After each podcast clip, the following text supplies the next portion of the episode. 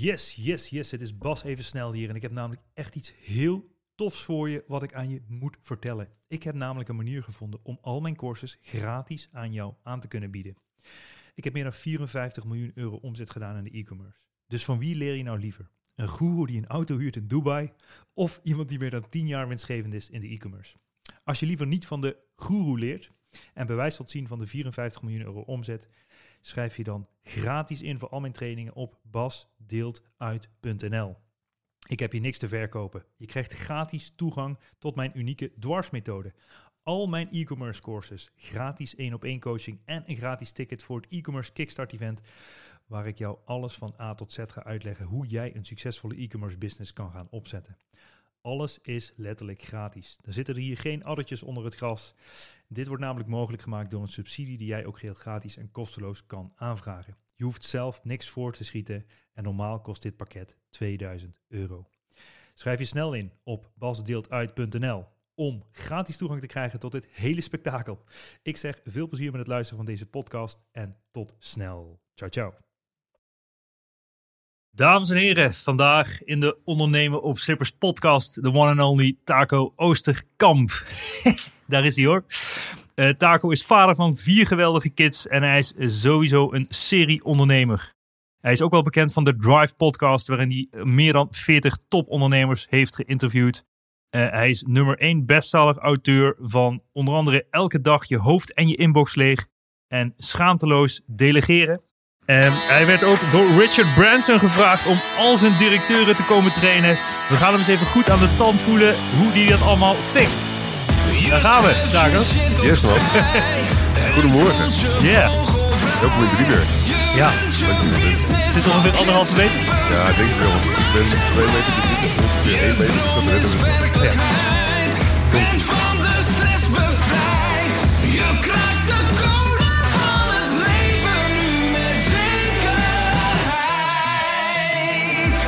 Yes, Taco. Uh, ja, dat was ik nog vergeten te zeggen. Je bent 2 meter 1,5, zei je net? Ja, 2 meter en anderhalve centimeter. Ja. Bij mijn lengte moet je dat weten, vind ik. Ja, precies. Ja, dat Dan moet je het echt precies weten. Ja. Ja. ja, dat is niet misselijk.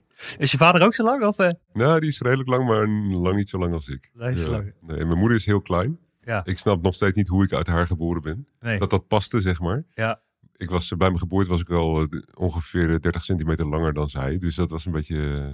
nee, gekheid. Maar eh, nee, ik weet niet waar het vandaan komt. Wat heb je vroeger allemaal gegeten, waardoor je zo lang bent geworden? Ja, veel, veel marsen en snickers en nutsen. Maar dat had heel ergens anders mee te maken.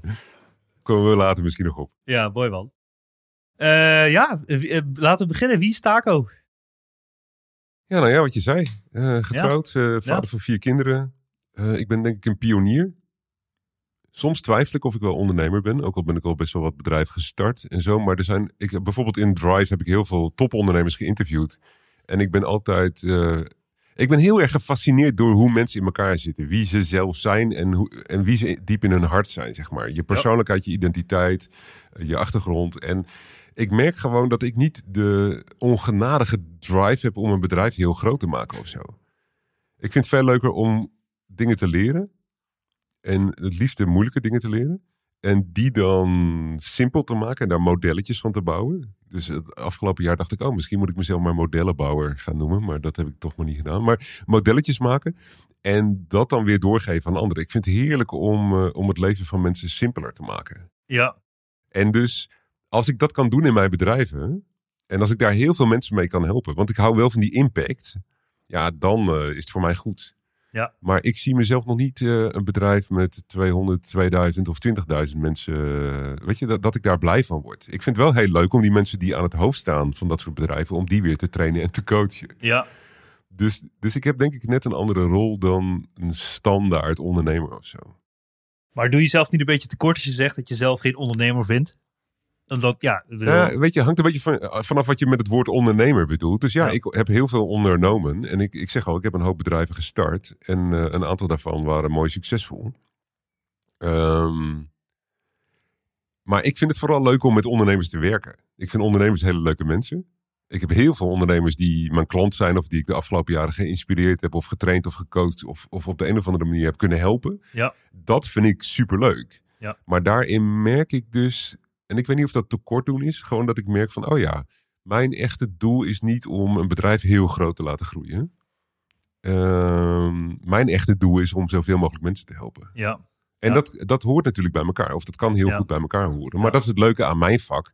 Op het moment dat je aan het schrijven bent, of dat je aan het eh, vertellen bent, of dat je aan het teachen bent of zo, dan, ja, dan kun je heel veel mensen helpen zonder dat die allemaal voor jou hoeven te werken of zo. Ja. Ik stel in het begin altijd een redelijk intense vraag, Taco. En dat is meer om te kijken van wat voor jou belangrijk is. En die vraag is, wat zou je doen als je nog drie maanden te leven hebt? Joh, dat soort dingen kondig je niet even aan van tevoren. Nee. Welkom. Dank je. Ja, ik zou normaal zeggen, ik zou gaan reizen, maar dat is in coronatijd een beetje lastig. Ehm, nee, ik denk dat ik, als ik drie maanden te leven zou hebben, ik zou waarschijnlijk een soort inventarisatie maken van wat voor open loopjes zijn er nog in mijn leven, die ik dan nu toch echt wel eens even een keertje moet gaan zitten afronden. Ehm, En, wa- en wa- wat voor open loopjes heb je het over? nou ja, er zijn geheidszakelijke dingen die handig zijn om nog even iets beter te documenteren. Of eh, heb ik op zich aardig gedaan, zeg maar. Als ik, eh, als ik morgen in het ziekenhuis lig, dan eh, weet mijn vrouw waar alle passwords zijn en hoe ze daarbij kan. En die zijn allemaal helemaal geëncrypt en weet ik veel wat. Maar zij heeft dan, zij kan bepaalde dingen die op bepaalde plekken liggen, die kan ze bij elkaar halen. En daarmee kan ze alle passwords bekijken. Weet je, dat soort dingen heb ik geregeld. Ik denk dat dat handig is. Ja. Ehm, ik heb aardig gedocumenteerd hoe het zit met verzekeringen en met, eh, eh, met, met de regelingen en weet ik wat allemaal. Maar da- da- daar kan ik vast wat puntjes op de i zetten. Ja. Dus ik zit vooral dan te denken, oh, als ik drie maanden heb, dan heb ik in ieder geval nog even tijd om dat om te kijken of dat allemaal klopt, weet je, dat samen Ja. doorheen te lopen. Lekker, eh, super praktisch natuurlijk. Verder denk ik vooral dat ik tijd met mijn kinderen wil besteden, met mijn gezin wil besteden.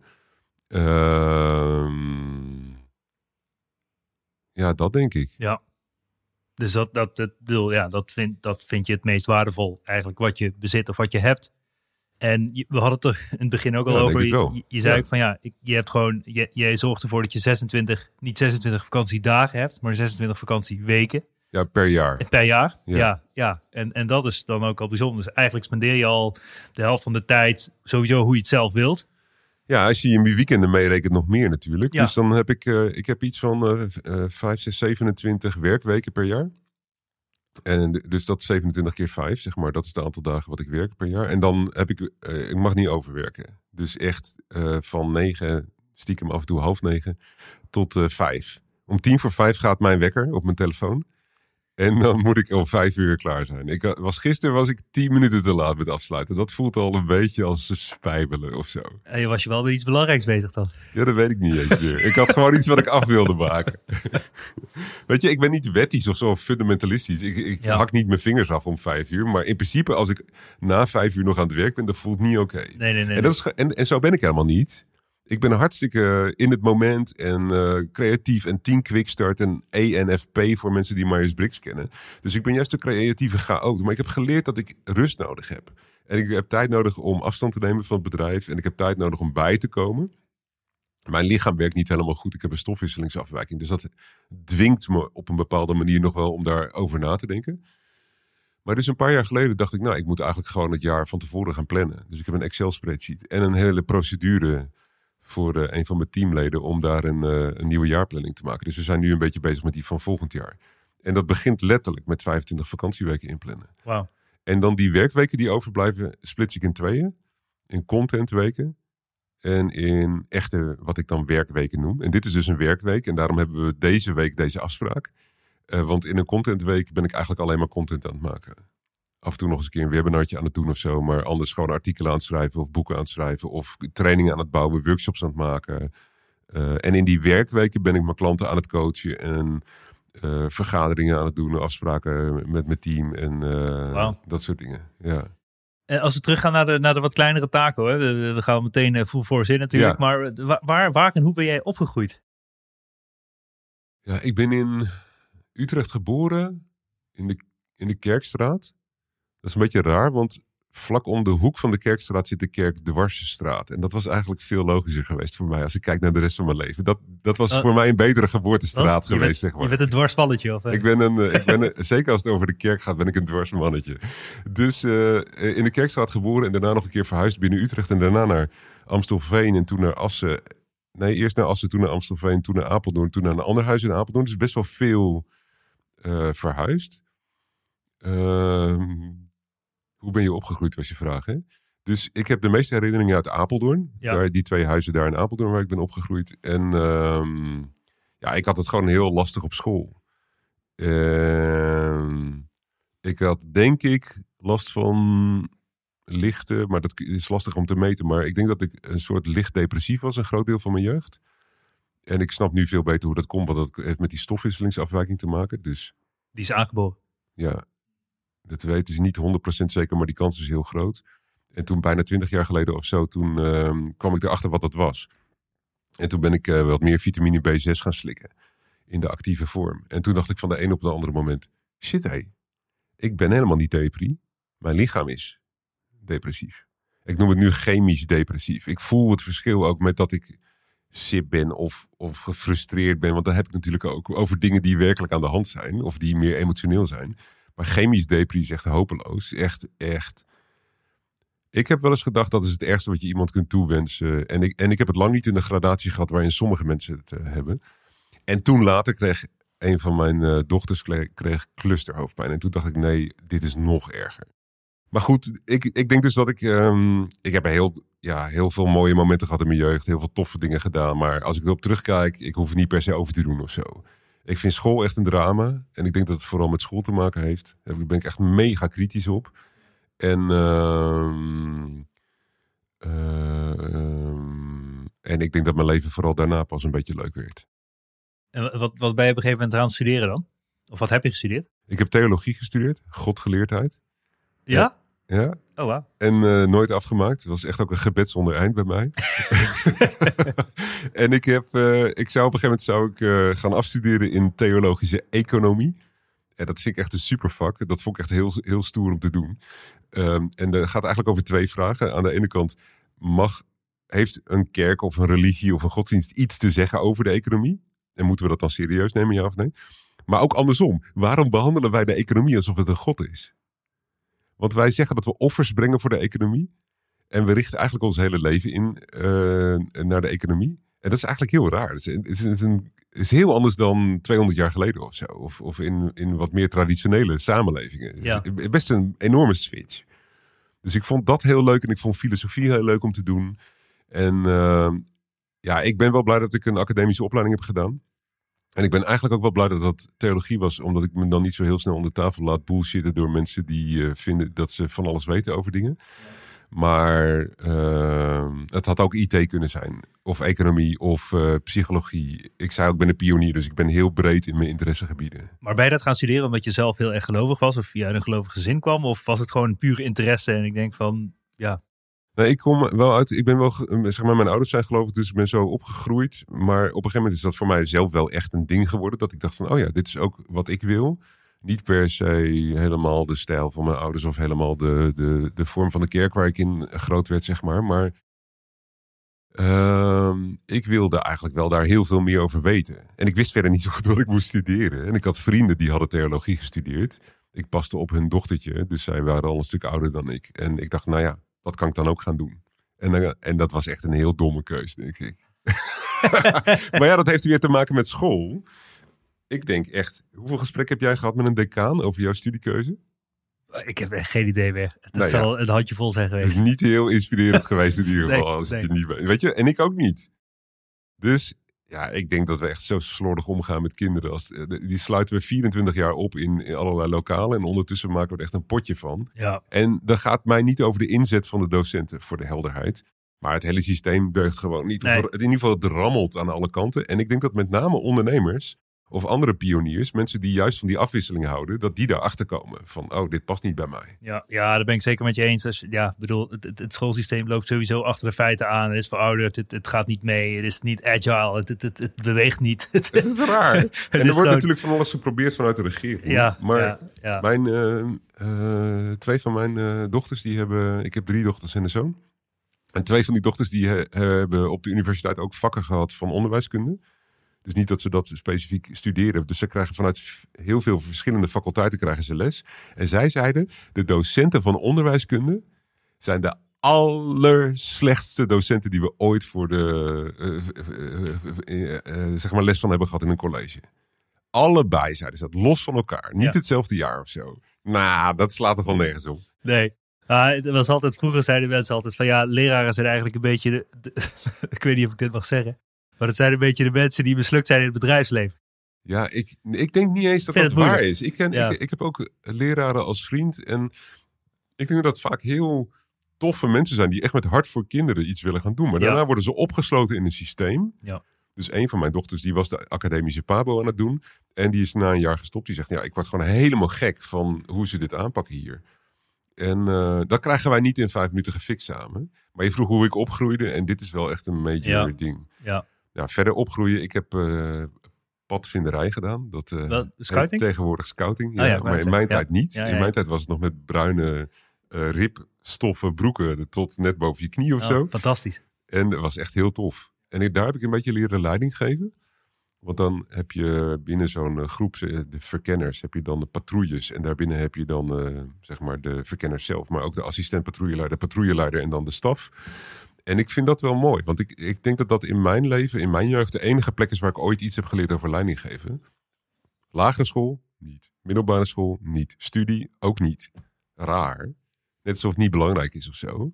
Ja, dus dat, dat, daar zijn wat mij betreft twee mega onderbelichte topics dus in, überhaupt in het onderwijssysteem. Dat is één wat jij nu zegt, leiding geven. En Ja. dat is twee, überhaupt geld.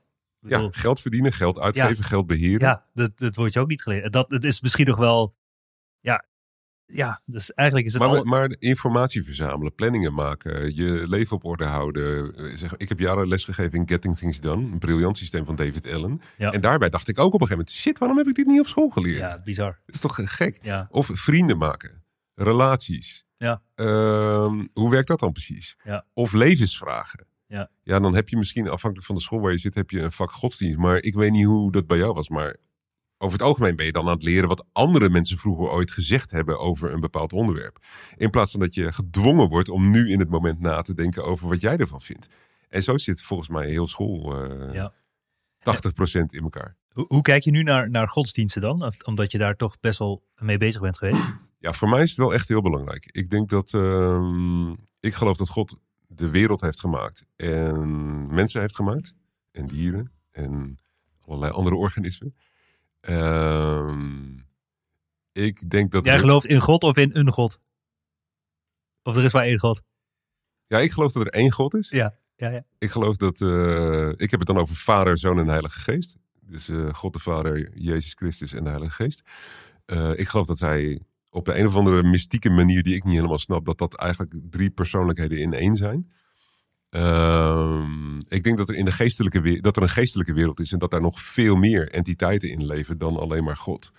En eh, dat je daar als mens ook mee te maken kunt hebben. Dus dat maakt je leven heel verwarrend als je dat niet doorhebt. Dat dat ook nog speelt, denk ik. Ja, Ehm, ik denk dat er een afgelopen 100, 200 jaar of zo een enorme splitsing is geweest tussen wetenschap en godsdienst. Die helemaal nergens op slaat. Ik denk dat we, dat, dat we, dat we die, daar weer bruggen tussen moeten bouwen. ja je bedoelt dat de wetenschap de godsdienst onderuit haalt. Met alle theorieën die er zijn. Die staan in de Bijbel, bij wijze van spreken. Nou, één voorbeeldje. Ehm, heb je les gehad in evolutietheorie op school? Eh, vertel. Nou ja, ik, ik denk dat de meeste van ons, als we op een school zitten, dat we les krijgen in de evolutietheorie. En die bestaat uit deel 1 en deel 2, z- zoals ik het uit zou leggen. En deel 1 van de evolutietheorie is random mutations. En deel 2 van evolutietheorie is survival of the fittest. Ik vind het echt heel interessant, en het is iets waar ik maar een paar jaar nu van überhaupt me bewust ben, is dat we voor eh, survival of the fittest heel veel bewijs hebben, wetenschappelijk bewijs. Dat is eigenlijk waar Darwin mee begon met het onderzoeken van, oh ja, maar dit vogeltje op dit eiland en dan op dat eiland en hoe, en weet je, hoe, hoe werkt die hele evolutie? Random mutations is een theorie. Hebben we nul bewijs voor. We hebben, denk ik, al 50, misschien 100 jaar in allerlei labs hebben we geprobeerd om met bestralingen en weet ik veel, om random mutations te bewijzen. Dat hebben we niet. Als je Wikipedia nakijkt, er zijn een stuk of vijf, zes methodes waarop een organisme zijn DNA kan muteren. Mhm, Bijvoorbeeld door een beetje DNA bij een ander organisme te lenen. mhm. Of door zijn eigen DNA te optimaliseren. Of Mhm. door, eh, nou ja, vijf, zes methodes. Ja, Die weten we, die hebben we bewezen. Daar zijn Nobelprijzen voor uitgereikt. ja, ja. Dat is allemaal niet random. Dus als je nu in de evolutiewetenschappen gaat kijken, gewoon anno vandaag en de afgelopen jaren, dan zie je dat het hele idee van random mutations eigenlijk al uh, achter ons ligt. We hebben aangetoond dat dat, dat dat er niet is, of dat dat niet klopt. Maar op school krijg je nog steeds hetzelfde verhaal te horen. In de media nog steeds hetzelfde verhaal. In de economie hebben we het nog steeds over hetzelfde verhaal. Want wat, op het moment dat alles random is, dan is dus alles zonder betekenis. Toch? Dan is het random. Dan is jouw Ja. leven random, is mijn leven random. Ja. Want het is het, eh, ja, de- toevallig. En ik vind het zo raar dat we over dat soort dingen op die manier praten, zonder daar dan. Weet je, er is zoveel wetenschappelijke kennis beschikbaar, die op de een of andere manier nou, eh, nooit eh, bij ons binnenkomt. En, de- en dat we gewoon de oude theorieën blijven napraten. Vind ik raar. Eh, leven wij in een simulatie, Taco? Ja, ik denk van niet. En waarom dacht ik dat ook alweer? Ik heb een paar vrienden die dat denken. Ja, dat is vooral eh, Elon Musk volgens mij ook die dat die daar Nou ja, dus ik heb een paar vrienden die uit die scene komen, Ja, zeg maar, ja, uit. Amerika. Ehm, nou, ik heb niet helemaal helder waarom ik eh, denk van niet. Maar ik denk ook het idee van dat er een eh, multiverse, dus dat er veel meer universa zijn. Denk ik ook, ja, dat is eigenlijk een cop-out, zodat je niet, want dan is alles nog steeds random. Het is eigenlijk een cop-out om niet de wetenschappelijke feiten in de ogen te kijken en, en daarmee te dealen. Dat vind ik veel J- interessanter. Jij gelooft er niet in dat er meerdere eh, universen, stelsels zijn met weet je- leven en... eh, je, je kunt zeggen, eh, in dit universum waar wij in leven, daar staat de aarde op een exacte afstand vanaf de zon. En daardoor is er leven nodig, eh, mogelijk. En hij is op een bepaalde manier gedraaid. Echt zoveel graden. Daardoor is er leven mogelijk. We hebben de zware atoomkracht en de lichte atoomkracht. Die hebben een exacte, echt tot 13 cijfers achter de komma of zo, zijn die kloppen die met dat er leven op aarde is. Als er ook maar iets daarin zou afwijken, zouden we allemaal poef weg zijn. Als jij dan denkt dat alles toevallig is, dan is dit een beetje raar. Want hoe kan het nou dat het toevallig, toevallig, toevallig, dat alles toevallig opeens Ja. ertoe leidt dat er leven is? mhm. Nou, dan zeg je dus, oké, ja, maar er zijn natuurlijk een miljard universa die allemaal naast elkaar bestaan in, in tegelijkertijd. En heel toevallig leven wij dan in het universum waar er op aarde leven mogelijk is. Ja, Ik denk dan, dat mag je denken. Natuurlijk mag je dat denken. Iedereen mag alles denken. Je mag het ook zeggen, we kunnen het er ook over hebben. Maar je hebt er nul wetenschappelijk bewijs voor. Dus het is puur geloof. ja, totdat er een planeet komt die zeg maar waar leven is. Niet per se, want dat, dan o- kijk je in ons universum, op die planeet, opnieuw van wat zijn daar de omstandigheden. Ja. Ik zeg niet dat de aarde de enige bewoonde Ja, planeet nee, nee, is. Maar mijn punt is dat op... raar. nou ja, goed. Ik vind dit soort vragen interessant. ik, vind- ik vind levensvragen Ja, interessant. ja. Ik vind wetenschap interessant. Ik Ja. doe in mijn werk doe ik heel veel oorzaak-gevolgredeneringen. Dus we zijn heel veel bezig met de wetenschappelijke methode. Waarom draait jouw bedrijf nou niet? Of waarom doet je marketing niet goed? Of waarom heb je nooit tijd om überhaupt vakantie te nemen? Weet Ja. je, gewoon heel simpele praktische vragen. Ja. Dat is waar ik met mijn klanten meestal mee bezig ben. Dit doe ik dus in die andere 25 weken in het jaar Dat is. ben ik hierover aan het lezen. En, maar ook daar gaan we zoeken, maar hoe komt het dan? En hoe komt dat dan? En hoe komt dat dan? En hoe komt dat dan? En dat is eigenlijk de wetenschappelijke methode. Gewoon hypotheses of eh, Ja. eh, eh, oorzaken analyseren en dan een hypothese formuleren en die gaan testen.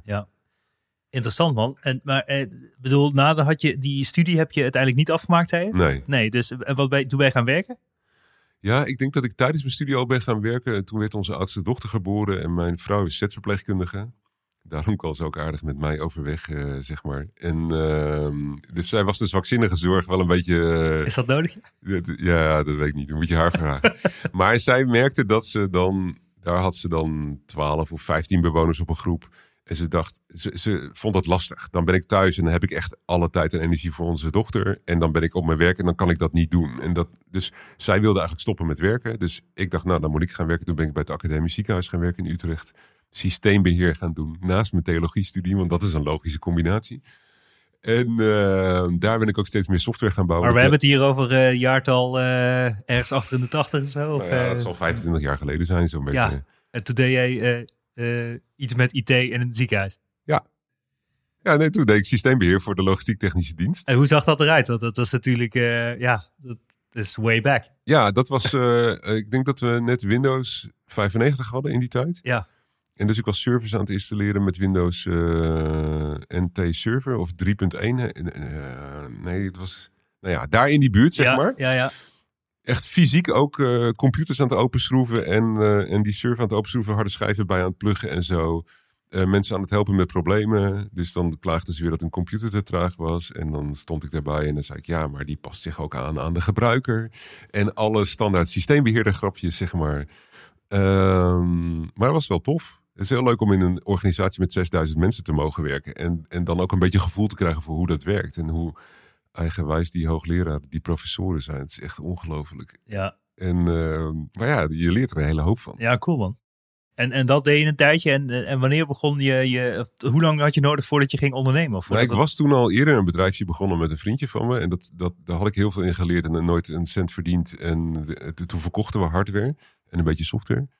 En ik denk dat ik twee jaar bij het ASU heb gewerkt. Want dat heette toen nog het ASU. En ehm, eh, toen ben in die tijd heb ik een training gedaan om een trainde trainer. Om les te geven aan computerprogrammeurs. Want daar was ik dus ook mee bezig in mijn. Ik was software aan het bouwen in die tijd ook. En toen ben ik eens gaan uitzoeken of ik daar niet een bedrijfje in kon beginnen, want dat leek me heel leuk. En dat ben ik gaan doen toen, naast mijn studie ook weer. En eh, dat was eigenlijk het eerste bedrijf dat echt serieus succesvol werd, zeg maar. Dus ik heb jarenlang heb ik computerprogrammeurs geleerd om software te bouwen. En hoe moet je onderhoudbare software maken. En dan leer je nog meer systematisch nadenken. Eh, super tof. Ja. Ja, ik vond dat echt wel heel cool. Ja. En dit was tijdens je opleiding dat je dat bedrijf was begonnen? Of? Nou ja, op een gegeven moment krijgt het bedrijf natuurlijk veel meer tijd dan de Ja, studie. ja. En ehm, ik heb in die tijd, toen het bedrijf helemaal draaide, heb ik ook nog een tijdje een beetje hier in de kerk in Driebergen eh, meegedraaid, eh, wat leiding gegeven en zo. Ik stond hier regelmatig te preken. Ehm, dat hoorde dan weer, of dat paste dan weer een beetje bij die studie, zeg maar. En af en toe hoor ik nog bij een webinar iemand die zegt: Joh, Taco, het lijkt wel een preek. En dan denk ik: Oh ja, zit dat er nog in dan? dat doe ik al jaren niet meer. Maar... Ja, fantastisch hè. Maar tof. Maar ehm, ja, dus programmeurs trainen, allemaal dat soort dingen. En ehm, hoeveel, hoeveel bedrijven eh, had je dan nodig voordat je een, bedrijf had waar je een beetje geld mee verdient? Nou, dat was het tweede bedrijf. Tweede bedrijf. Ah, Ja. oké, dat is redelijk zo. Ja, dat ging best goed. Ja, maar ik ben daar wel in een gat in de markt gevallen. Dus dat was vanaf 1997 dat ik echt die trainingen ging verkopen. Nou, dat was net de tijd dat we tegen het jaar 2000 problemen aanliepen. Economie liep goed. er waren heel veel softwareontwikkelaars nodig. Ik heb op een gegeven moment ook biologen en historici zitten omtrainen zodat ze software konden bouwen. Want voor hen was geen werk. En iedereen was nodig, alle hands aan dek, om dat jaar 2000 probleem op te lossen. Oh ja. En, ehm, en toen op een gegeven moment was die hoos over.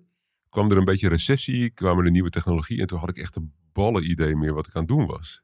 Ik wist gewoon niks van marketing en verkoop. Ik had natuurlijk wel iets aan marketing gedaan. Ik, ik was denk ik vanaf 96 of zo begonnen om, met mijn eerste website.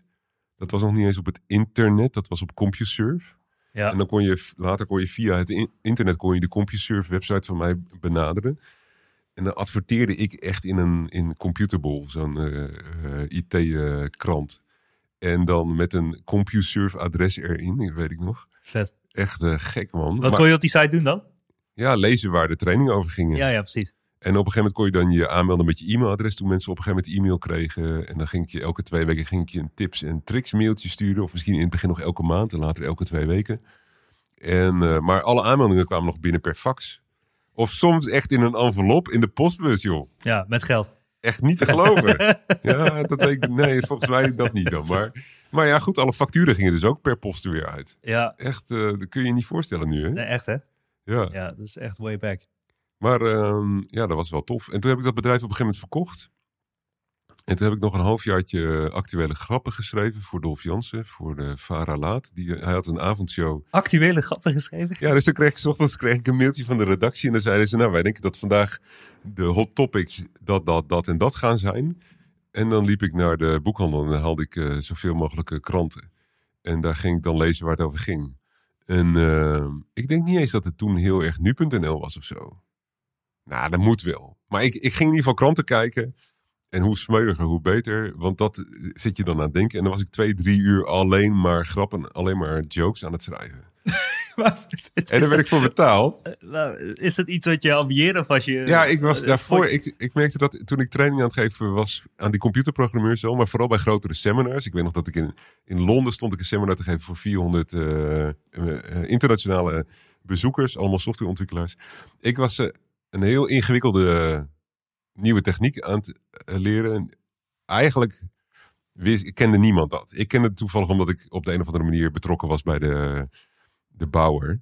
En eh, iedereen wilde dat leren en ik kon ze dat leren. Maar ja, ik kende die techniek al. Zit voor mij niet zoveel. Ja, leuk om over te dragen, Ja. maar ik weet het wel. Dus mijn spelletje werd om te kijken hoe goed en hoe vaak en hoe lang ik die mensen aan het lachen kon krijgen. En dat lukte als een sfeer. En, eh, en dat was mijn spel. Daar ben ik blij van. Super, zaal met 400 Engels aan het lachen krijgen. Dat is best wel leuk. is super grappig, man. Daar, daar- kun je je nog überhaupt één grap herinneren? Of en toen is- dacht ik, nou, hier moet ik eigenlijk maar eens even mijn vak van zien te maken. Kijken of ik niet stand-up kan gaan doen eh, en cabaret kan gaan doen en zo. Ja, echt. Ja, ik heb een hele, hele eh, lijsten met grappen eh, uit die tijd. Ja, maar Ja. is- er nog een grap die nu in één keer van dit was de grappigste? Of... Ja, die vertel ik je zo meteen. Eh, als we klaar zijn met de opnames. De- die kan echt niet eh, in jouw podcast, Bas. Oké, nou ja, eh, goed verhaal. Dat was ook het leuke. Ik kon Ja. heel ongecensureerd grappen schrijven. Want het was Dolf zijn probleem of die, er, of die hem dan wilde gebruiken. Ja. Of dat hij hem gebruikte als eh, springplank om nog een betere grap te verzinnen. Of dat hij een beetje wou redigeren of zo. Ik, ik, nul selectie. Dat was ideaal. Ja. Ja. Poeh man, en dan heb je een hele ride erop zitten. En, en op een gegeven moment eh, kun, je, kun je iets vertellen over je huidige business of businessen waar je mee bezig bent. En, eh, want volgens mij ben je echt een wandelende encyclopedie. Je leest volgens mij bizar veel boeken. En dat zorgt er ook voor dat je veel kennis vergaat en die we gebruikt om anderen te helpen. ja. Ja, brand, brandlos. Ik heb eigenlijk twee actieve bedrijven nu. Eentje die staat een beetje op pauze en één ben ik aan het opbouwen. En ehm nou, delegeren.nl, dat is er één van. En daar helpen we eh, mensen die professioneel leiding geven om beter, slimmer, handiger, sneller te gaan delegeren. Ik denk dat delegeren misschien wel 70, 80 procent is van leiderschap. En daarnaast heb je dan nog missie, visie, strategie ontwikkelen en zo. Dat doen we ook. Maar delegeren is de, de praktische kant ervan. Hoe zorg je nou dat je de juiste mensen aanneemt en dat ze dan ook het werk doen wat je wilt dat ze doen? Ehm, online trainingen, webinars. Super tof. Heel cool Ja. om mensen te helpen. Weet je, als er dan een ondernemer komt die er zegt: joh, ik, na twee maanden hoefde ik nog maar één dag in de week te werken. hè? Dan heeft hij dus nog beter voor elkaar dan ik. Hè? Eén dag in de week. Ja. Ja, dat is toch super, super stoer. Het is toch de 8-hour eight hour work week? Ja, zoiets, ja. is toch veel meer dan Timothy Ferris? Maar Nou ja, ik had dat bij, bij meer effect. Toen ik, daar, eh, toen ik dat bedrijf geoptimaliseerd had, toen kon ik dat in twee uur per week draaien. ja, dus dat is En- een ander bedrijf wat je had meer effect. Ja, en, had ik daarvoor al. Dat ging over time en stress management. En ehm, eh, Tim die vertelt zelf ook dat hij eigenlijk zijn bedrijf in twee uur per week kon draaien. Maar dat dat ongeloofwaardig was om dat op de cover van zijn boek te zetten. Zo'n mooi verhaal. Dus, ehm, dus dat is delegeren bij bedrijfsgroei. Bedrijfsgroei.nl, daar werk ik met ondernemers. En dat gaat echt vanaf mensen die een bedrijf willen beginnen als starter. Of die als ZZP'er freelancer zijn. Tot en met, wat zal het zijn, 50 miljoen euro omzet per jaar of zo. Dat is een hele brede eh, scope. Dus dat idee dat je je moet nichen, eh, een, een niche moet zoeken en zo. Ja, ik vind dat zelf niet zo heel interessant. Ik denk dat het heel goed kan werken voor je marketing. Vooral als je dat naar buiten goed doet. Maar ik vind het veel leuker om met heel veel mensen te werken.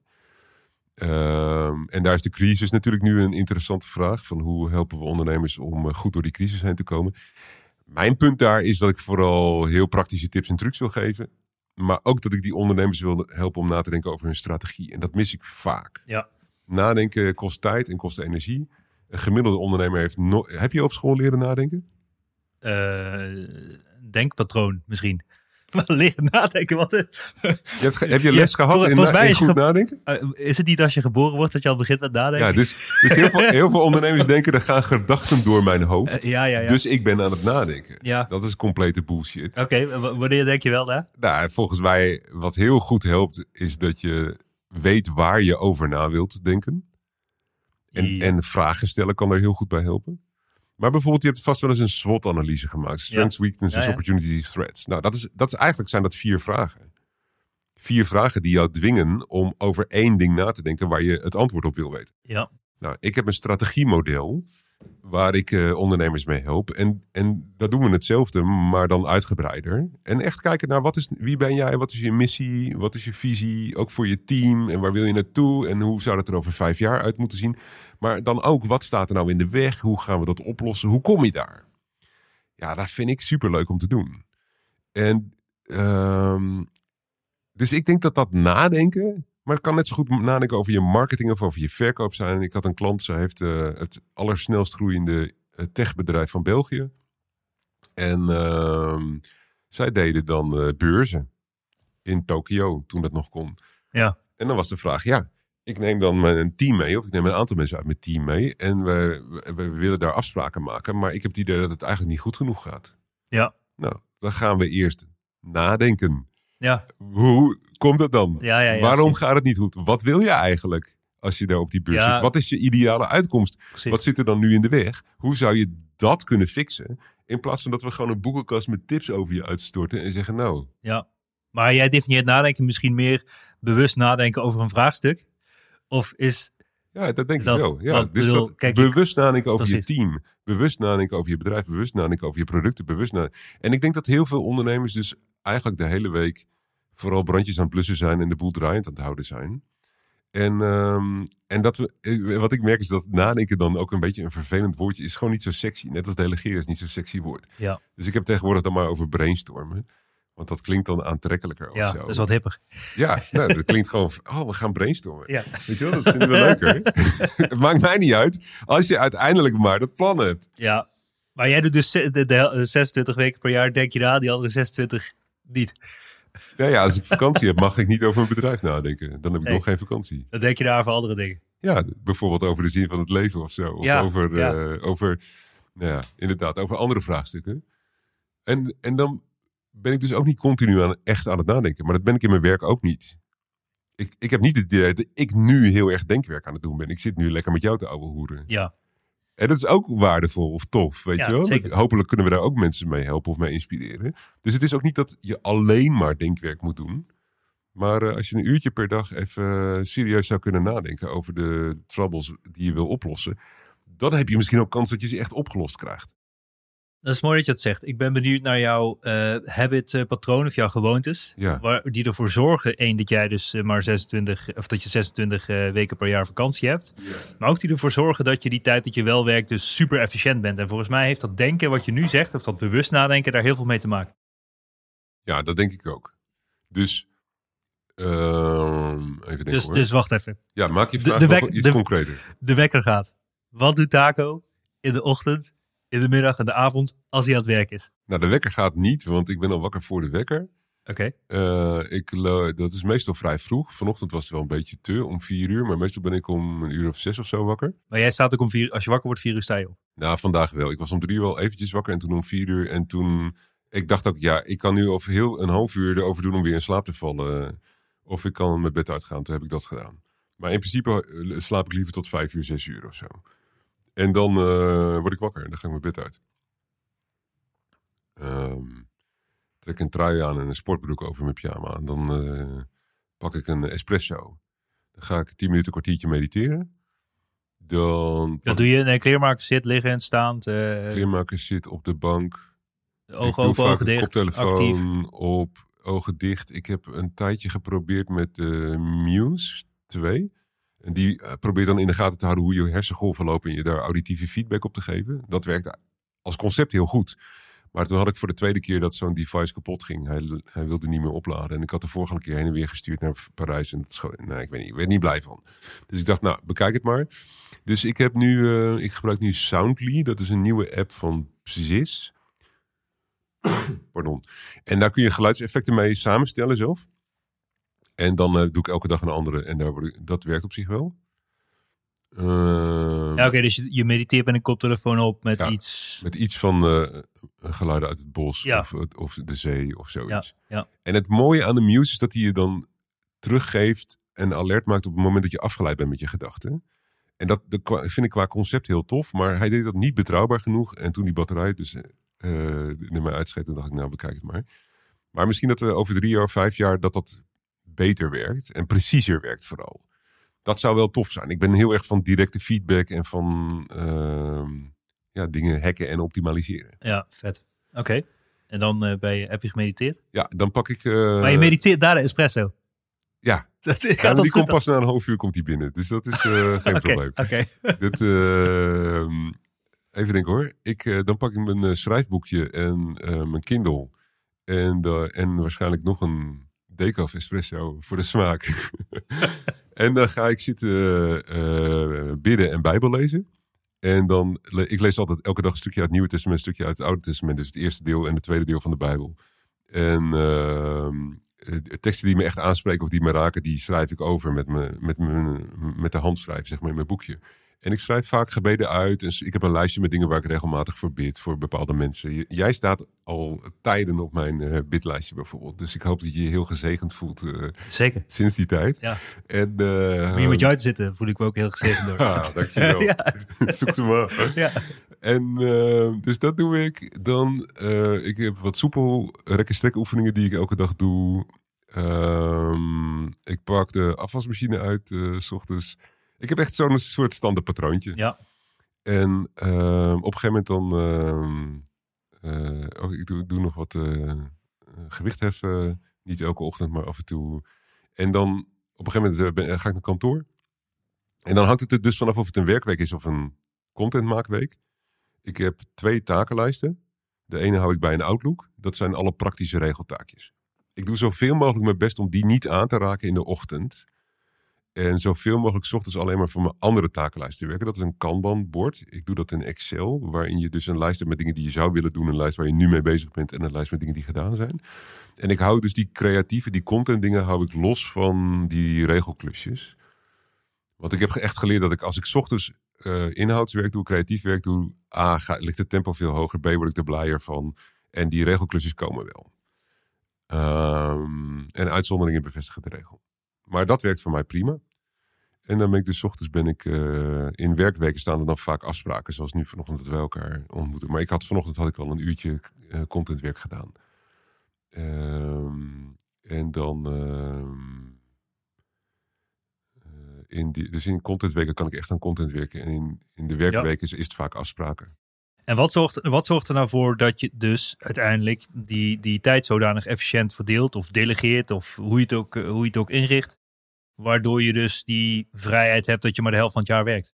Ja, ik denk dat dat inderdaad heel veel met delegeren te maken heeft. Ja. En ook met nadenken over wie jij bent. Ik noemde dat eerder al. Van ik ben heel geïnteresseerd in wie mensen zijn, wie ze tot in hun hart zijn. En een van de dingen die wij dan doen met de ondernemers die we coachen, is dat we uitzoeken van wie is Bas nou eigenlijk? Want jij moet niet je leven gaan inrichten zoals ik het doe. Je moet zelfs niet eens je bedrijf gaan inrichten zoals ik het doe, want wij zijn niet elkaar.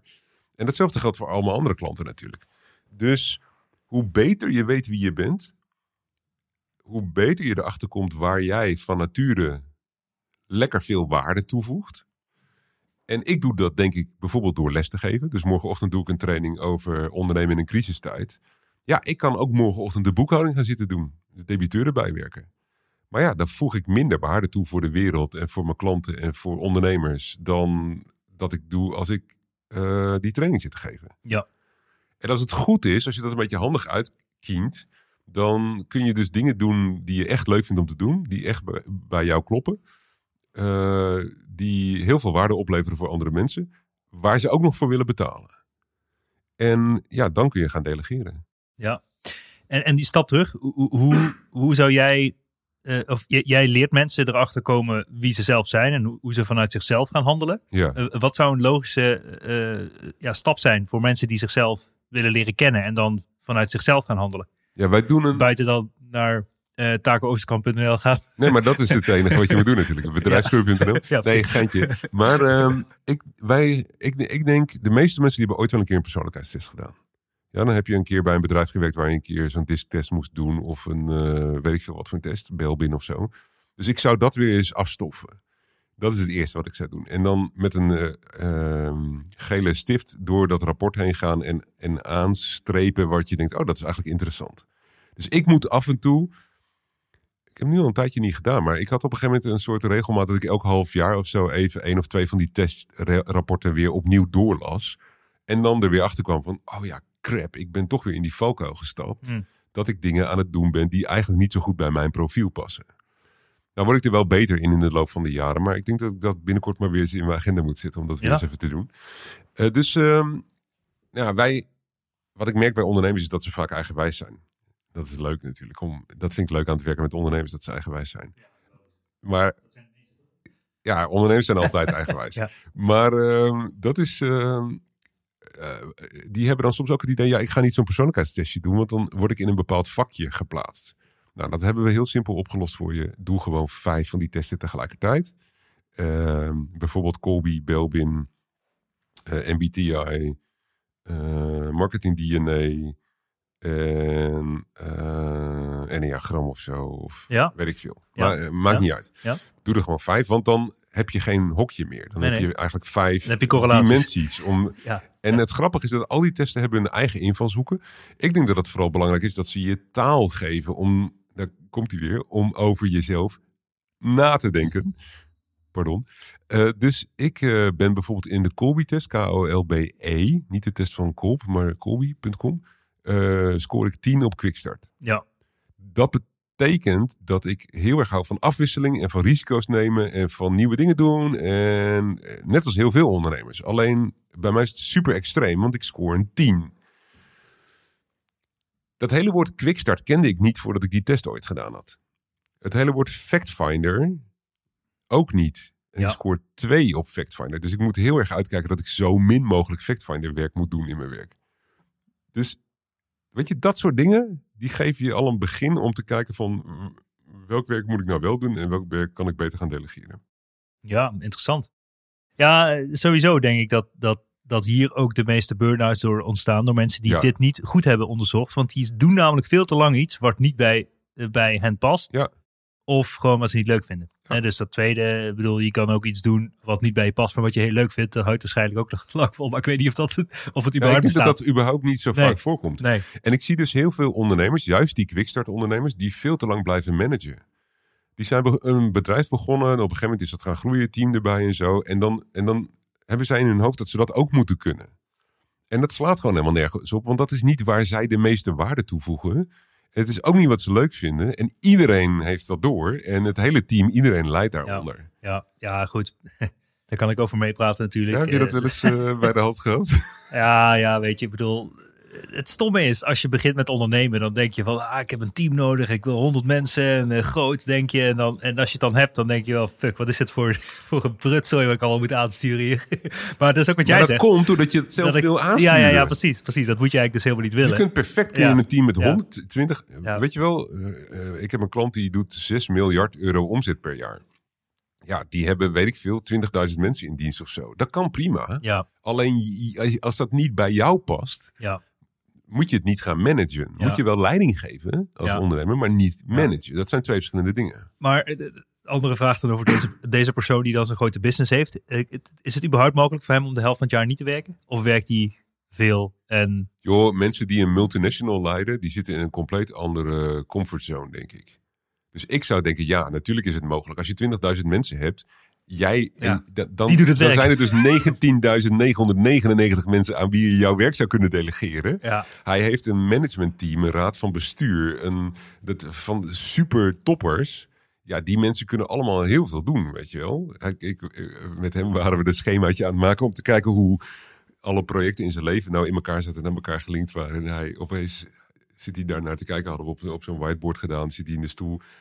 Opeens klinkt er een knallende vloek door de kamer. Springt hij op en was hij een bedrijf vergeten met een omzet van 100 miljoen. Weet je wel? In zijn hoofd is dat, is dat een klein bedrijfje. Wat wat een fuck. dus ja, tuurlijk kan hij dat delegeren. Ja. Dat doet hij niet. Nee. En, en Dus in de praktijk is hij altijd druk en is hij aan het denken, of ja, ja, hartaanval. hartaanval, Ja, overleden. nee, gelukkig niet. Maar Wow. weet je, ja. Ja. En, en, en weet je, op het moment dat hij wel zou overlijden, zou de rest van het bedrijf ook doordraaien. Ja, Misschien niet zo goed, ja. maar dat zou, ik bedoel... Nee, maar goed, na die hartaanval moest hij herstellen. Dus heeft hij een paar maanden plat gelegen. En, eh, precies. Dus op de een of andere manier is het een, is het een fa- fabeltje in je eigen hoofd. Ja. Dat jij nodig bent en dat het, het team eigenlijk te slecht is om jouw taken over te nemen. Ik Ja. denk dat het over de, of je moet dus slechte mensen in dienst hebben. Of je moet nog helemaal geen team hebben. Dat kan natuurlijk ook. Dan moet je daar langzamerhand naartoe groeien. Nou ja, ik denk pas als je, als je leert delegeren dat je zelf pas rust kan ervaren. Toch? Toch? Ja, of ben ik gek? Nee, denk ik ook. Ja. Ja, Dus- want het is ook gewoon heel praktisch. Ja. Weet je, dat, dat, daarom mopper ik erover dat ik dat op school nooit geleerd heb. Het zijn gewoon heel praktische tips en tricks en tools en technieken die je moet toepassen. Ja. Want op het moment dat jij wel de juiste mensen hebt zitten en je wil proberen om dat management over te dragen, eerst maar eens aan je team en later misschien een keer een manager erbij te halen. Ehm, maar, maar je pakt het verkeerd aan, ja, dan werkt het ook niet. Het is net als met Ja. fietsen. Er zijn wel een paar technische dingen die je even handig moet doen, weet je wel. Ja. Dat is met delegeren ook. Ja. Eh, wat is dan de klassieke fout die de meeste ondernemers maken? Ook die jij coacht of ziet? Of dat is gewoon Te veel loslaten. te, te veel loslaten? Ja, te veel vertrouwen hebben in je team. Ja. En, en dus dan heb ik een, een online training over delegeren. En dan vraag ik aan mensen, wat, eh, wat, wat gaat er mis? Waarom ben je niet nog meer aan het delegeren? En zo, wat zou je willen? En dan... eh, maar, Maar delegeren is toch ook een eh, vorm van loslaten? ja, dan zit drie van de tien zeggen dan, ik wil mijn team meer vertrouwen. Ja. En dan denk ik, nou, oké, maar dan, goed, dan kunnen we, we kunnen een uur praten over je team vertrouwen. Mhm. Maar op het moment dat je het gewoon over de muur dondert, alles wat er moet gebeuren, en, en je team zo erg vertrouwt, dat je zegt van, nou, dat komt wel goed, ik laat het los. dat is volgens mij de grootste fout. Ja. En dat slaat helemaal nergens op. En dat, en dat werkt ook helemaal niet lekker voor je teamleden. Want dan is het is ook een soort onverschilligheid, een nonchalance die erin zit. Ja, als het dan niet gaat zoals jij dacht dat het ging, dan moet je niet zo gek staan te kijken. Want je was vergeten om, bij te, om erbij te vertellen wanneer je wil dat het af is. Of je was vergeten om te vertellen hoeveel budget het mag kosten. Of je was vergeten om erbij te vertellen hoe vaak jij bijgepraat wil worden over de voortgang. Of een miljoen dingen, weet je wel. Dan nemen we er genoegen mee dat je dingen delegeert en dat ze nooit gebeuren. Want niemand heeft zijn werk. In, in 80% van de bedrijven hebben mensen niet een heel duidelijk overzicht over alles wat ze moeten doen. Of wat ze toegezegd hebben dat ze zullen doen. Daar is Getting Things Done dus geweldig voor. Maar ja, dan vallen de dingen van tafel of die eh, komen onder het tapijt terecht of weet ik veel waar. Niet eens heel bewust, het is geen kwaadaardigheid. Maar ja, als je dat laat bestaan, dan krijg je dus een heel slordige werkcultuur. Waarin je je heel erg loslaat, maar dat het toch niet werkt. En dan ga je toch niet je team vertrouwen. Ja. En- Dat is hetgene wat ik het meest fout zie gaan. En nu ga je uitleggen hoe, hoe je dat dan voorkomt. Of hoe dat Nou ja, wel goed gaat werken. Een van de dingen die voor mij heel goed werkt, is de wachten oplijst. Ja. van David Allen. Dus op het moment dat ik iets delegeer, dan schrijf ik twee, drie steekwoorden op. Ik doe dat in mijn computer, maar mensen die ermee beginnen om dat te proberen, zou ik aanraden om gewoon pen en papier te gebruiken. Want dat is makkelijker. Dan hoef je niet aparte lijsten voor te maken of een programmaatje voor in te regelen of zo. Gewoon pen en papier, hoek van je bureau. En gewoon opschrijven. eh, Inge, voorstel, begroting. Gewoon dat jij snapt waar het over gaat. Mhm. Hans, reactie, offerte. Gewoon alles wat je gedelegeerd hebt. En dan vrijdag, begin van de middag, loop je even door het lijstje en streep je alles door wat gedaan is. En alles wat niet gedaan is, besluit je, mag het tot volgende week blijven wachten? Of moet ik er nu achteraan? Weet je wat gebeurt? Binnen twee weken heb jij door wie van jouw teamleden super betrouwbaar is Ja. en ehm, zijn afspraken nakomt. En die mensen die dat niet zijn, ik weet niet of ze dan per se lopen te slekken. Misschien zijn ze wel heel hard aan het werk, maar hebben ze gewoon niet helder wat ze hebben toegezegd. En, maar daarmee heb je opeens een soort toetssteen voor betrouwbaarheid. Van betrouwbaar gedrag is dat als je toezegt dat het vrijdag klaar is, dan is het dus ook vrijdag klaar. En als het toch niet gaat lukken, dan ben je dus op woensdag, kom je even aan de bel trekken en zeg je, ik had beloofd dat ik het vrijdag klaar zou hebben. Het spijt me, want dat en dat en dat is er tussen gekomen. Vind je het goed dat ik het dinsdag inlever? Ja. En dan kun je er tenminste een beslissing over nemen. Ja, dus het begint al met het delegeren uit handen geven. Dat moet zo specifiek en meetbaar smart zijn. Eigenlijk specifiek, meetbaar, acceptabel, realiteit gebonden. Eh, als dat dan de, de case is, ik zeg Taco, wil jij eh, mij eh, vrijdag kopje koffie brengen, stipt om 12 uur. Ja, ik denk Eh. eigenlijk dat het de taak van je medewerker is om jou uit te horen om, om, een, om die specificaties Ja, te krijgen. Ja, ben ik met je eens. Dus Want dan is wanneer, helemaal wanneer, leuk, wanneer wij- wil je het af hebben? Eh, wat is de gewenste uitkomst? Eh, Wanneer ja. wil je dat ik, Ja, dat ik je precies. tussenrapportages geef voor grotere klussen? Hoeveel geld mag ik eraan uitgeven? Mag ik misschien nog andere mensen inzetten om hierbij te helpen? Heb je toevallig al learnings van de vorige keer dat we dit gedaan hebben? Is er ergens nog documentatie? Weet je, net wat, net wat iemand nodig heeft om het goed te doen. Ja. Maar dan hoef jij er als ondernemer niet over na te denken. Dan is het de taak van je medewerker om jou uit te horen, te interviewen. Nou, dat vind ik niet zo erg, want dan kan ik iemand helpen. Ja. Helpen vind ik leuk. Ja. Maar een checklistje afwerken. Ja. Nou, ik zou zeggen, zet je Eh. niet ook nog een persoon tussen die wachten oplijst en de rest? Ja, na verloop maar. van tijd wel. Ja, ja, precies. Ja, dus ik van- heb eigenlijk maar twee mensen die voor mij werken. Ja, En met die twee heb ik ook overleggen één keer per week. ja. En verder met niemand. En zij, Zij hebben weer hun eigen team. als zij willen... En zij, eh, eh, ja. zij, zij overleggen met hun teamleden. Ja, ja. dat werkt best. Dat werkt Voor mij werkt dat heel goed. Ja, ja. Interessant. Ja, Hey. man. En eh, je hebt twee boeken uitgebracht. Ja. Elke Eh, dag je hoofd en inbox leeg. Ja, En schaamteloos delegeren. ja. En ik had daarvoor nog een paar geschreven. Maar dit zijn zeg maar de twee boeken. De twee meest noemenswaardige boeken. nou ja, die daarvoor die gingen dan over software bouwen. Bijvoorbeeld ik had een boek geschreven eh, over het werken met multi-tier distributed database systems. En Oh ja. dat hebben we wereldwijd verkocht. Maar dat is op dit moment niet meer zo relevant Nee, voor, nee. voor mijn huidige doelgroep. Outdated. maar ehm, eh, waarvoor gebruik jij je boeken? Ik heb recentelijk ook een boek uitgebracht. Ik ben benieuwd wat voor jou de functie van het boek was. Ehm, elke dag je hoofd in inbox leeg heb ik in de tijd van meer effect geschreven. En die is laatst nog een keertje door iemand geüpdate. Dat was echt een manier om contact te maken met de markt. Ja. Maar ook om heel veel mensen te helpen. Dus daarin leg ik uit hoe je je e-mail kunt verwerken de helft van de tijd in Microsoft Outlook. Eh, en die techniek die werkt overal. Maar ik heb specifiek echt stapje voor stapje uitgelegd hoe je dat in Outlook doet. Ik werk zelf nog steeds met Outlook. Ik werk met Outlook 2010. Het is nu 2020 geloof ik. Hè? Omdat ik 2016 en 2020, die nieuwe versie van Outlook vind ik veel te traag. Dus eh, het gaat mij echt om tempo doorwerken. En, eh, en, en er moet gewoon productie gedraaid worden als het over e-mail gaat. Ik heb Ja. een hekel aan e-mail, dus hoe sneller hoe beter. En schaamteloos delegeren was ook wel bedoeld om mezelf een beetje be- anders te positioneren in de markt. Want ik kwam toen net uit die tijd van time en stress management. Ja. En een hoop mensen kenden me daarvan. Ja. En ik dacht, ja, maar ik wil eigenlijk nu met leiders gaan werken. En langzamerhand dus ook steeds meer met ondernemers. Maar delegeren is voor directeuren, managers, ondernemers. En ehm, dus dat heb ik wel echt als positionering geschreven. Ja. En nog steeds, ook daar help ik heel veel mensen mee. Want je hebt allebei die boeken wel via een uitgever uitgegeven. Eh, ja, elke dag je hoofd in inbox leggen hadden we eerst zelf uitgegeven. Oh ja. Naast een ander boekje Getting Things Done in de praktijk. eh, hadden we toen ook zelf uitgegeven. En ehm, dat was toen alleen maar voor deelnemers aan de training. Dus dat was leuk. Dan hadden we een exclusief boek wat je alleen maar bij ons kon krijgen als je de training ook deed. Ja. En toen op een gegeven moment toen was elke dag je hoofd in inbox gelegd niet meer te, te krijgen op de markt. En ook een beetje outdated, oudere versies van Outlook en zo. Dus toen heb ik mijn uitgever gevraagd of ze zin hadden om die ook nog een keer uit te geven. En die kwam toen op één op managementboek. Dus dat was heel tof. Ja, nice. Ja, Ja, cool. ja. Ja, ik zie zelf ook dat het voor mij is de start van de funnel, zeg maar, dat het belangrijk is dat je de, dat je de data van je klanten krijgt. Of in ieder geval de mensen die jouw boeken lezen. Ja, Eh, eh, dus ik, daarom vandaar de vraag ook van wat zou de functie van je boek moeten zijn? Uiteindelijk om meer klanten te krijgen of om jezelf in de picture te zetten of whatever, weet je.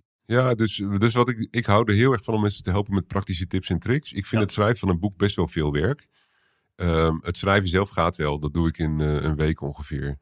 Ehm, ik geloof dat ik 40, 45 uur bezig was met het schrijven van schaamteloos delegeren. Maar dan daarna moet het re- redactieproces nog. En dat kost dan nog eh, veel tijd. En daar heb ik een hekel aan. Daar voeg ik denk ik ook niet van nature de meeste waarde toe. Maar ik ben te eigenwijs om dan zo'n redactor maar zijn gang te laten gaan. En mijn mooie teksten te laten Ja, eh, verpielen. Ehm, dus dan moet ik me er toch tegenaan bemoeien. ja, En, ehm, maar voor, van delegeren bijvoorbeeld hebben we de eerste hoofdstukken eh, beschikbaar gemaakt als e-book. Dus daar kun je je voor aanmelden. En, dan, eh, en dat is dan het begin ook van ons funnel natuurlijk. ja, Ja. ja, ja, tof. Ja, Mooi man, Taco. ja joh. Ja, ik vond het echt een inspirerend proces. Ik, ik ben even terugdenken, want toch eh belangrijkste les misschien wel uit het gesprek die ik zelf eruit heb gehaald, is dat je toch beter moet weten wie je zelf bent en dat je daarna volledig alles inricht op jezelf. Ik denk dat dat ook eh, dat, dat, dat, dat echt een goede boodschap is geweest voor van, ja, wat, wat jij eh, hebt verteld. Tof. Om die testen te doen, om beter dichter bij jezelf te komen. Weet je, ik ben inderdaad, jij zegt veel ondernemers zijn eigenwijs en zelf, ik weet dat die testen er bestaan. Ik denk ook altijd van ja, dan doe ik die testen, dan krijg ik een formulier van 20 kantjes hoe ik zelf, hoe ik zelf eh, functioneer of wie, Ja. ik ben- wie ik ben. Ik weet het allemaal wel, denk je dan toch? Ja, en dan lees Ja. ik dat en denk ik, oh ja, is wel herkenbaar, is wel herkenbaar, is wel herkenbaar. Maar vervolgens doe je dat dan niks mee. Dus het is belangrijk, denk ik, als je al die testen hebt en je hebt alles geanalyseerd. En dat je dan gaat denken, hoe kan ik nou mijn omgeving en alles zodanig inrichten. En mijn bedrijf. En Ja, je alles moet het heel praktisch maken. Ja, ja, ja. ja. Ja, Ja, dus dat, is een van de leuke dingen die we doen. Mijn collega Marleen is daar ook super goed in. Dus Ja. En dat maakt het ook uniek. Het werk wat wij doen met onze klanten, met elke klant is het net anders. Omdat die mensen allemaal net anders zijn. Ja, Maar ik noemde aan het begin, om het even rond te maken, dat ik het heel leuk vind om modelletjes te bouwen. Dus Ja. ik heb voor delegeren heb ik een delegeermodel gebouwd. Voor Ja. hoe je een bedrijf opbouwt en laat groeien, heb ik een groeimodel gebouwd. Ehm, in november hebben we een eh tweedaagse seminar gegeven over eh, focus en prioriteiten stellen. En zorg dat je je leven inricht op een manier die bij jou past. Maar al die, daar heb ik een model voor gebouwd. Al die modellen die beginnen bij wie ben jij? ja, En, en zo wil ik graag denken. ja. En dat vind ik dus ook mooi, omdat ik, omdat ik werkelijk geloof dat eh, God ons gemaakt heeft. Dat hij jou gemaakt heeft, zo grappig als je bent. En dat hij mij gemaakt heeft, eh, zolang als ik ben. Eh, denk ik dat, dat het ook heel interessant is om, om te zoeken van wie ben je dan eigenlijk. Weet je wel? Dat je, heel veel mensen kunnen denk ik nog heel veel meer lol hebben in hun leven, in hun werk. Door dieper te kijken naar wie ben ik eigenlijk Ja. in vredesnaam. Ja, ja. Ah, dat is heel, ik, ik zit gewoon, gewoon een enorme schat in jou verborgen. Ja, je moet gewoon super dicht bij jezelf leven. En dan, dan, Ja. dan komt al het goeds naar boven, zeg maar. Ja, in ieder geval veel. Prachtig. Ja, Mooie, eh, ja. ja man. mooie, mooie afsluiter, eh, Taco. Hey, waar kunnen mensen meer eh, over jou lezen, vinden, doen? Eh, gooi er even eh, reclame erin van 30 seconden of zo. Ja, nou, ik denk dat voor ondernemers is bedrijfsgroei.nl is, is eigenlijk mijn website. De Drive Ja. podcast zouden ze kunnen kijken. Vijf sterren in iTunes, dus dat zit blijkbaar ook goed in elkaar. En ehm, wat ik noemde, dat boek delegeer, op, op delegeren.nl kun je je... eh, Kun je leren delegeren. Ja, maar dan kun je ook de eerste vijf, zes hoofdstukken uit dat boek eh, Ja. krijgen. En Tof. een van die hoofdstukken gaat over hoe je in no time heel veel tijd bespaart. Ik dacht, die zet ik aan het begin van het boek. Dan zit hij in de gratis versie. Ja, Dan kunnen we daar een hoop mensen mee blij maken. ja, slim man. Dus dat. Super gaaf man. Hey, Taco, super bedankt. Ja, leuk dat je hierheen kwam, man. En, eh, ja, ik vond het ook lachen. Tof om met je te horen. Ja, ik heb er veel dingen geleerd, dus ik vond het echt een leuk gesprek. leuk, man. Dankjewel. Ja, zeker man. En eh, tot snel. Wij spreken elkaar weer. Bedankt voor het luisteren naar de Ondernemen op Slippers podcast. Yeah. Check voor meer informatie ondernemenopslippers.nl. Tot de volgende keer. Yeah, dat was de one and only Taco Oosterkamp. Ik vond het echt een super vet gesprek. Ik heb weer mooie dingen geleerd. Hopelijk jij ook. Dus eh, wat mij betreft is de boodschap: eh, ga wat testen doen over jezelf, persoonlijkheidstesten. En kijk wie jij zelf bent en richt de rest van je omgeving daarop in. Ik vind het echt een mooie boodschap. Ik ga er wat mee doen. En eh, hopelijk jij ook. Ik zeg tot later. Dit was toch een onwijs gave episode. Laten we eerlijk zijn. Ik vind het onwijs tof. Mocht je nou waarde vinden in deze episodes, check dan ook eventjes mijn LinkedIn, Bas Eurlings. En geef mij gewoon even een persoonlijk berichtje wat je van deze podcast vindt. Nogmaals, ik kan alles gratis aan jou geven. Wil je leren in de e-commerce? Gratis in op één coaching. Gratis e-commerce kickstart event. Ga naar basdeeltuit.nl hoe jij subsidie kan aanvragen door gratis, om gratis toegang te krijgen tot alles wat ik gemaakt heb. Check it out en tot snel. Ciao, ciao.